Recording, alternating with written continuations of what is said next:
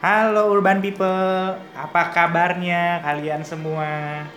Jumpa lagi nih sama kita dengan Urban Readers yang hadir di sini setiap saat setia menemani kalian. Cuilah. Saya dengan Urban Sir, saya juga tidak sendiri di sini. Halo Ibu, dengan siapa Ibu? Dengan Dragonica Tarot di sini. Apa kabarnya? Kabar baik. Ampun sehat selalu ya, senantiasa ya. Amin. Nah, dan Ibu Dragonika tidak sendiri juga nih ditemani oleh suami tercintanya dengan Bapak siapa Pak? Akasik Dotarot. Apa kabar Bapak? Alhamdulillah baik. Lancar semua ya Pak? Lancar. Ada yang nggak lancar? Apa tuh? Dompet. Sabar Pak, dikit lagi ya Pak ya. Oke, mau nomor togel Pak? eh jangan nanti ditangkap kita. Oke. Oke, eh, Urban People di hari ini di episode kali ini saya menginterogasi eh, mereka berdua nih. Nah, kalian tahu nggak maksud kedatangan kalian ke sini nih mau gue interogasi apa? Oh, apa nih? Apaan tuh? gue lagi satu penasaran banget sama suatu statement tentang metode eh, meramal juga atau membaca seseorang Mm-mm. Eh, namanya sih grafologi Oh, grafologi. Ya. gue baru gue pengen kulik lebih dalam nih sebenarnya Oke. Mm-mm. boleh Kenapa? nggak mau berbagi ilmu dari Boleh. kalian nih dan Boleh, sharing sama boleh, urban boleh. people Boleh, boleh. Boleh lah. banget. boleh banget ya thank you banget loh oke deh gue mulai ya apaan sih grafologi itu sebenarnya Kalau grafologi itu sebenarnya seni membaca tulisan tangan ya. Jadi tepatnya sih bukan meramal. Iya, Oh. tapi lebih ke membaca personality seseorang dengan cara dia menulis. Mungkin bisa dibilang istilah lainnya menganalisa tulisan tangan. Iya, Hmm, Betul. analisa. Emang apaan aja nih yang ada yang bisa dianalisa? yang bisa dianalisa kalau dari dari grafologi itu lebih ke personalitinya seperti apa. Oh, personality. Iya, jadi nunjukin pribadi orang itu seperti apa. Oh, oke. Terus gue mau tanya nih, em, apa namanya ya? Utusan orang kan beda-beda ya. Iya. Berarti itu juga terlihat di situ. Iya, betul. Sama kayak personality kita kan nggak ada yang 100% sama. Ya. Demikian juga dengan cara kita menulis juga semuanya beda gitu. Dan sebenarnya sih gue mempelajari ini otodidak ya. Hmm. Jadi sekitar 10 tahun lalu Hmm? gue bekerja sebagai guru di salah satu sekolah bergengsi di Jakarta Ya. dan dari situ gue ngeliat eh, ada perbedaan-perbedaan antara tulisan satu anak dengan satu anak ya jadi satu anak sama satu lain tulisannya beda-beda Beda-beda. eh. selain itu eh, ada karakter-karakter yang dimiliki oleh anak dengan tulisan besar misalnya Kayak gue nih dulu, Iya. tulisan gue gede-gede. Nah, ada Kenapa juga itu nanti kita bahas lebih dalam Siap. Terus ada juga anak yang nulisnya cepat, ada juga yang nulisnya lama. Nah ternyata dari itu mereka punya personality masing-masing. Kenapakah Akasik? Nggak apa-apa. Kenapa tadi nunjuk-nunjuk diri sendiri? Nggak apa-apa. Mungkin kalau nulis cepat gitu ya, Nggak. Kebalikannya. Kalau kalau nulis kalau dalam kondisi yang terdesak cepat Hmm. tapi ya cakar ayam. Ah, Oh, iya gitu. iya. Tapi kalau pengen tulisan yang bagus rada lambat. Ah, ah. Hmm. Terus ya itu karena sering berhadapan dengan tulisan orang pada saat lagi menilai ya, Hmm. nilai PR. Ya. Jadi lama-lama gue bisa mempelajarinya gitu. Oh. Jadi murni otodidak sih. Berarti secara nggak langsung pada saat lo mereview tulisan itu ada deep connection antara mungkin lo sendiri untuk pemahaman kepada orang yang menulis tulisan ini ya. Hmm, Iya. Oh, I see. Nah, mau tanya juga nih, em, grafologi ini ada seninya nggak sih? Misalnya kayak mungkin udah dipelajari sama seseorang diperuntukkan untuk apa gitu? Hmm, jadi siapa aja yang pakai grafologi Iya, itu biasanya heeh, ya. heeh. Ya, yang biasanya pakai grafologi itu yang paling paling sering dipakai di era modern ini Hmm. di perusahaan. Oh, perusahaan. Itu satu Ah, satu lagi mungkin bisa dibilang juga kayak inst- instansi kepolisian. Militer ya. Militer. Oke, oke. Pendidikan Nah, juga. Oh gitu. Jadi dipakainya ini pada saat apa nih? untuk menganalisa kayak kasus-kasus yang susah dipecahkan. Oh gitu. Untuk berarti misalnya nih ya kayak kriminolog Mm-mm. kepolisian mungkin pakai. Ya mungkin Iya, kalau dalam biasanya. kayak uh, ka- uh, kayak film-film luar negeri atau Mhm, ya gue pernah tuh nonton. film kartun yang Film seri. yang Uh, ceritanya ke detektif-detektifan Iya. yaitu pakai grafologi. grafologi. Oh. Cuma kalau dalam kehidupan orang biasa ya, Iya. kebanyakan tuh Hah? kadang ada perusahaan yang minta pelamarnya nulis surat Tulisan lamaran tangan. dengan tulisan tangan. Hmm, ada banyak. Banyak. Ja- jadi berarti HRD-nya bisa langsung lihat ya? Iya, sebenarnya Iya. personalitinya seperti apa. Jadi em, mereka tanpa harus interogasi atau wawancara panjang lebar, cukup lihat aja. Oh, ini orang kira-kira seperti ini. Mm-mm. Nah, buat adik-adik calon urban people, nah yang belajar nulis, tulisannya harus dibagusin ya. Iya. nah, jadi nanti kalau satu saat lamar kerjaan, eh, Iya, biar bisa langsung ini ya. Iya. Memang ada Ada tuh. perusahaan tertentu yang maunya seperti itu. Benar. tulisan tangan ya. Nah, Oh, gitu. Selain itu dalam hal pendidikan juga terutama guru-guru BK ya Iya. yang biasanya ngelihat oh ini personalitinya kurang lebih seperti ini itu dari tulisan tangan Tulisan juga. tangan. Benar. Nah, menurut eh, kalian nih, Akashik, Dragonika, di sekolah-sekolah internasional, di sekolah-sekolah mana kan banyak tuh tugas-tugasnya yang digunakannya pakai ketikan tulisan berupa Word lah, Mm. Microsoft Excel lah. Mm. Pokoknya intinya udah eh, apa Modern paperless gitu banget ya. lah ya, Iya. modern. Nah, menurut kalian nih, eh, gimana nih dengan perkembangan grafologi? Apakah nanti akan ditinggalkan nggak ya? Secara udah kayak gini semua. Semuanya think Enggak so. sih. Oh, udah nggak ya? Rasanya Karena enggak. kita pasti Bakal tetap tetap harus dipakai. nulis. Oh. Kita pasti tetap bakal belajar ABC gitu kan, belajar Betul, nulis betul, itu betul. tetap Nulis, itu termasuk skill dasar. Oh, Jadi nggak mungkin nggak hilang. mungkin hilang ya. Begitu. Jadi perkembangannya juga tetap ya mengikuti eh, arus eh, perkembangannya. Kemudian eh, ternyata ini juga bahwa eh, bisa melihat personality seseorang dari eh, tulisan tangannya. Mm-mm, Iya. Wah, hebat. Faktor apa aja sih yang dilihat dari penulisannya ini?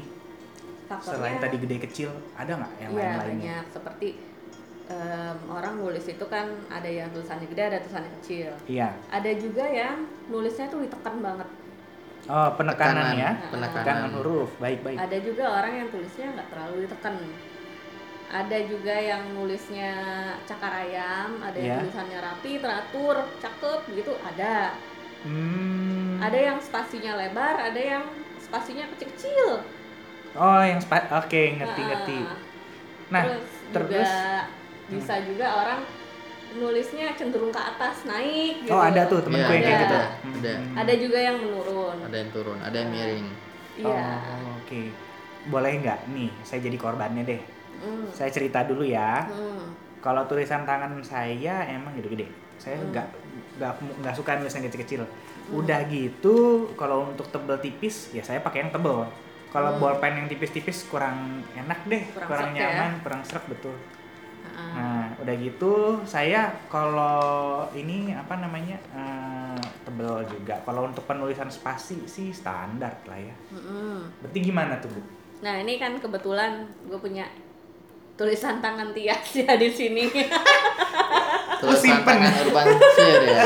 Tulisan tangan gue, ya ampun, itu kan naskah gue. Astaga, oke bacain deh. ya kebetulan sih ada ya di sini. Di sini hmm, gue liatnya di sini untuk ukuran hurufnya nggak gede-gede amat ya masih standar. Oke, Mm. padahal gue pikir udah paling gede itu. Nggak masih Standar sih. Standar ya. Tapi makin ke sini makin gede. Jadi eh, Oh, buru-buru waktu itu. Iya, bisa jadi tipe orang yang moody Oh, karena ah, urban people gimana ya? Kok jadi ya Saya kok jadinya ya? diramal nih malah Jadi ya. dibongkar aib ya. Bongkar ya. Lanjut, Terus? terus? agak ada penekanan juga nih agak tembus ke belakang kan. Ada teksturnya jadi Oh iya, iya, iya, iya. Ah, biasa. berbekas ya? iya berbekas. Jadi kalau orang yang nulisnya berbekas ini biasanya dia keras kepala. Makin tekanannya makin Soft. apa makin dia neken Hmm. itu makin keras kepala orangnya. Oh gitu. Nah, saya mau tanya nih, gimana kalau misalnya nulis tapi tekanan ke belakang nggak ada yang ringan gitu ya Ringan. tulisannya. Biasanya kalau ringan itu dia sebenarnya nggak begitu keras kepala dan cenderung ikut. Orang yang cenderung ikut bukan tipe pemimpin. Kalau saya sih malah biang kerok. bukan bukannya pengikut lagi biang kerok saya. ya pokoknya urban people jadi mereka ini saya eh, sering sering ceritain lah mengenai biang keroknya saya gitu. Jadi ya ternyata benar juga ya. Hmm, Terus biasanya semakin gede tulisan itu Mhm. nunjukin orang itu ekstrovert, senang bergaul, Oh iya. temannya banyak.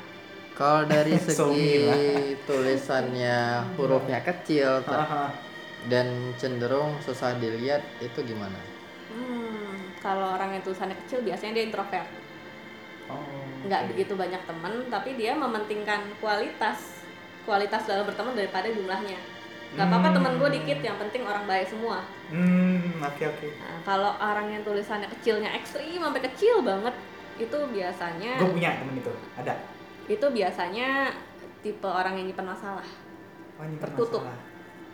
Pokoknya Padahal kayaknya kecil orangnya- tulisannya gitu. Orangnya sih rame, Mm, kesannya rame banget. Oh ternyata tulisannya kecil dia menyimpan masalah. makin kecil tulisannya akan bahkan ada yang sampai ekstrim kecil banget. Itu biasanya nyimpan masalah, rapat-rapat punya trauma. Biasanya begitu. Menarik banget ya. Mhm. Nah, bisa dilihat dari jarak antar spasinya nggak sih pribadi Kalau- orang dari grafologi Kalau spasi itu nunjukin sosial. sosial Jadi orang yang spasinya nggak begitu kelihatan, biasanya dia kurang bagus hubungannya sama orang lain. Tapi oh iya kadang rapet semua Ah. ya. tapi orang yang tulisannya sampai spasinya lebar, Hmm. itu juga kurang bagus ya, Mhm. karena jadinya dia terlalu jauh sama orang lain. Oh, jadi kalau terlalu rapet dia agak kurang eh, bagus dalam bersosialisasi. Kalau Ah. terlalu jauh juga dia malah kadang renggang sama seseorang iya. ya. ha-ha. Gitu. Hmm. Jadi yang paling bagus sih sebenarnya tulisan medium ya. Ya. nah mediumnya seperti apa tuh medium yang kelihatannya pas enak dilihat gitu jadi nggak kekecilan nggak kegedean. Kayaknya itu jarang ditemui ya iya karena kan gimana pun juga kita nggak bisa ngontrol uh, Nah. nulis itu kan tergantung emosi juga Hmm. Nah, kasih Dragonika nih, gue pengen tanya. Oke, let's say semua tulisan ini kan personality orang ya, yang Iya. kalian bilang. Hmm, Tapi ketika kita misalnya duduk di bangku SD nih Mm-mm. atau bahkan TK, malah guru tuh mengkoreksi. iya Berarti mereka menyeragamkan personality kita. Apakah seperti itu? Ini fakta atau mitos? fakta sih karena sekolah itu menyeragamkan kan jadi gini deh misalnya kita dikasih kertas suruh gambar apa yang kita gambar harusnya gunung. gunung ada jalannya kanan Jalannya. kiri sawah di samping eh terus di antara gunung ada matahari itu Iya. kan artinya kita emang dididik diseragamkan gitu Oh. jadi kurang bagusnya pendidikan sih seperti itu Seperti ya itu ya. Iya sih. Oh, jadi kurang kreatif. Mm. Nah, kalau uh, Bu Dragonika boleh nggak cerita sama urban people nih? Bagi yang udah berumah tangga. Mm. gitu. Ya boleh dong. Karena kan personality seseorang juga sebenarnya dibentuk dari keluarga ya. Mm-mm. boleh bagi-bagi tips nggak nih? Kalau misalnya nih ngelihat tulisan anaknya seperti ini apakah harus dimarahin atau Hmm. harus gimana? Bagi-bagi dong buat tipsnya. Kalau waktu SD sih tulisan jelek dimarahin ya pasti Ya. ya guru marah orang tua Ah. marah tulisanku jelek banget sih. Nah Bu Dragonika ini juga pernah dulu jadi seorang guru kan gitu. Ah. bagi dong tipsnya. Nah, sebenarnya tulisan jelek nggak berarti orangnya itu personalitinya jelek. Bahkan bisa jadi kalau orang eh, apa orangnya lagi. Tulisannya. Tulisannya acak-acakan. Itu kemungkinan besar dia orangnya kreatif out of the box. Benar. Oh. kadang eh, kalau kita lihat dari segi pendidikan kan belum tentu orang dengan nilai pendidikan misalnya pendidikan sosialnya jelek bakal Masa eh, depannya hancur. masa depannya hancur. Hmm. Mana tahu ada juga. bakat lain di sisi Di lain, lain ya. di bidang Benar lain. banget.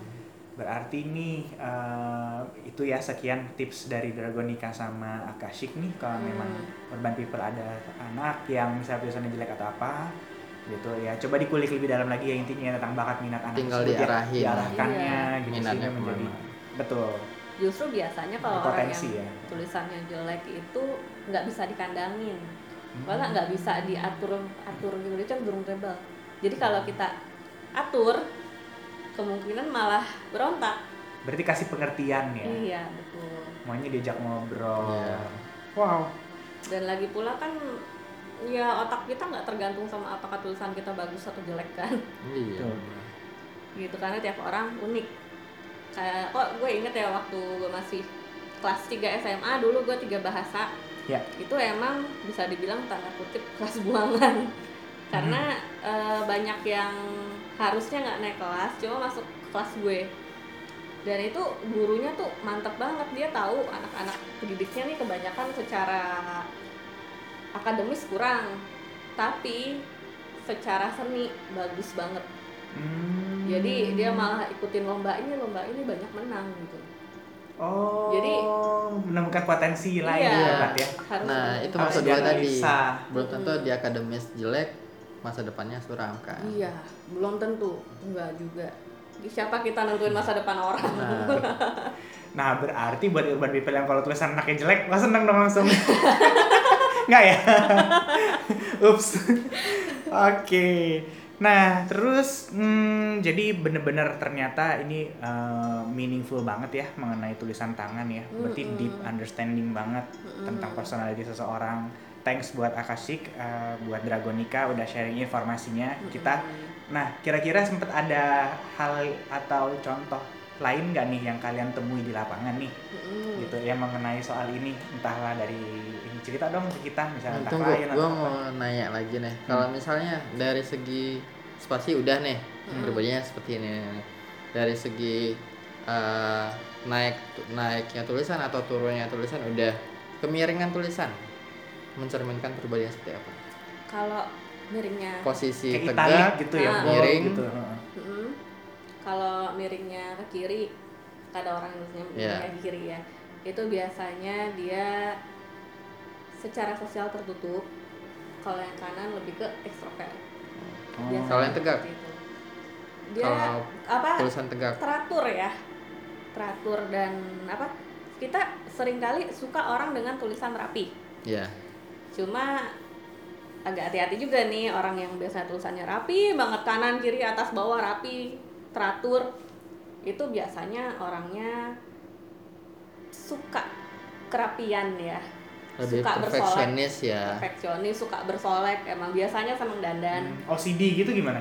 OCD biasanya itu gitu. kanan kiri atas bawah ntar dihitung pakai penggaris. Penggaris. berapa senti berapa senti. Perfeksionis banget ya waduh. Iya. Cuma jeleknya sih kalau orang yang kayak gini biasanya suka ngerasa lebih dari orang lain. Benar biasa pribadi yang seperti itu. Nggak mau ada miss sedikit Iya. pun. Karena Hmm. dia perfect dia kelihatan perfect dia ngarep orang lain sama perfectnya sama dia. Sama dia. dan harus dapatin sesuatu yang perfect dari orang. Iya banyak yang seperti itu. Jadi eh, kan dari tadi kita eh, ngomongnya tulisan jelek terus. Nah ini tulisan bagus nih yang kita kulik-kulik nih. Ya tulisan bagus ya. Boleh boleh boleh. Eh, eh, jadi ada kelebihan ada kekurangan. Lu suka gak sih kalau misalnya nih ada klien yang mau reading sama sama kalian nih ibaratnya? Hmm, terus eh, iseng-iseng kalian minta eh tulis dong eh, tulisan apa aja kayak di sini di kertas gitu jadi kalian Hmm. baca personality langsung dari situ bisa bisa pernah pernah nice tergantung klien maunya seperti apa Hmm, nurut aja Nurut udah. aja ya. Klien adalah raja ya. Bagi kalian raja-raja Cela. Bagi kalian nih urban people yang mau dibacain sama kita for free ya. Ya. Sekali lagi for free. Kalian bisa follow Instagram kita di @urban.readers. Nah, kalian bisa dibaca dari tanggal lahirnya, kalian bisa dibaca dari tulisan tangan ya atau Garis telapak Garis tangan, ya, tangan, garis ya. tangan gitu. Uh, please langsung aja DM kita, nanti akan kita berikan. Jadi satu pertanyaan free ya, Free. gitu atau Iya. satu bahasan lah intinya. Nah, klien yang sudah atau urban people yang sudah DM kita, tenang aja, semua data akan kita rahasiakan ya. Kita akan memberikan kalian nickname lah, misalnya siapa Mr. A, B, C atau Miss X gitu. Jadi kita janjian dan kita akan on air, itu aja sih syaratnya, ya gitu. bersedia di on air kan Betul. tapi rahasia tetap terjaga Itu dia. Pokoknya perfect deh kita simpan rahasia. Bahkan kita lupain kok. Oke. Jadi eh, apa namanya? Thank you banget nih. Eh, Hmm. Ada lagi Hmm. mau disampaikan nggak ke urban people Ya. nih tentang grafologi? Hmm, sepertinya itu dulu, Itu dulu ya. ya. Ah. Oke, thank you ya dan urban people, eh, thank you banget sudah bersedia untuk mendengarkan kita kita untuk bahasan kita di episode kali ini grafologi. Oke, urban people, eh, terima kasih ya sekali lagi udah dengerin kita. Eh, saya dengan Urban Sir. Saya Dragonika Tarot. Gua Akasik Dotoro. Kita pamit undur diri dulu. Mohon maaf kalau kita ada salah-salah kata ya. Sampai jumpa lagi. Goodbye. Bye.